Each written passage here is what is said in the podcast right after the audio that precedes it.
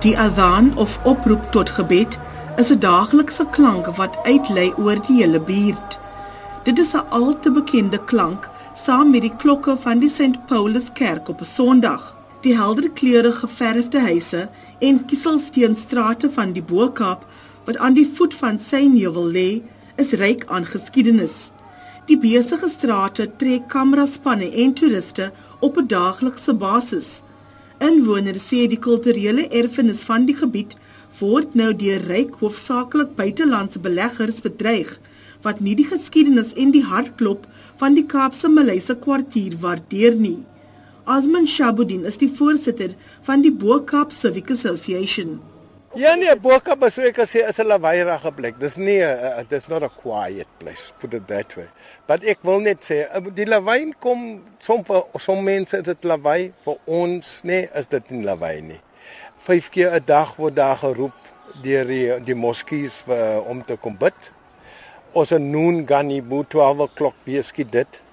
Ons kinders speel in die straat. Die St. Paul se kerke, as 'n bells gaan elke sonnaandoggend aan. En ook jy moet ook verstaan daar is ook religious gatherings en die klopse wat kom en almal tesame. Dit maak vir ander mense dit lawaai for us it's music to our ears. So uh, spinach feta and a little bit of barbecue spice. Is this one. Okay. Hamida Jacobs bied kookklasse vir 'n verskeie Malayse disse en kossoorte uit haar Bo-Kaap huis Met ons aankoms was sy besig om toeriste te wys hoe om samosas te maak.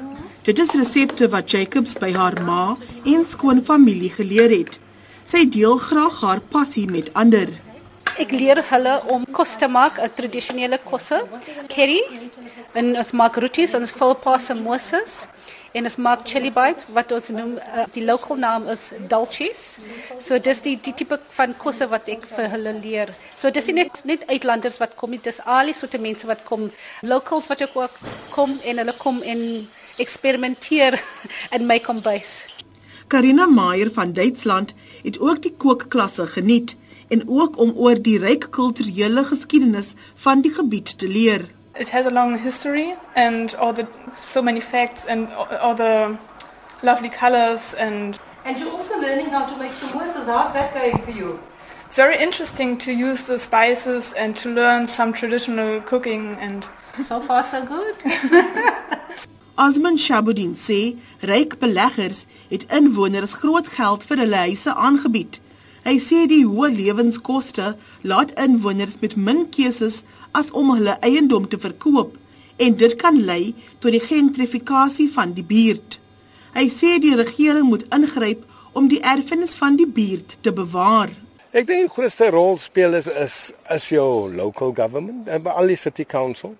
Uh jou local government soos die provincial government en ook ons national government. Daar moet 'n legislation geskep word om dit te hanteer. En daarom sê ons vir ons almal, ons het 'n rol om te speel. Almal van ons. Ons moet hande vashou en sê luister, Bo-Kaap is belangrik en ons moet dit red. Daar is nou 'n proses in beweging om die gebied 'n amptelike naam te gee en dit strek van Skottieskloof en Stadsig tot die Bo-Kaap. Ek is Berenice Moss in Kaapstad.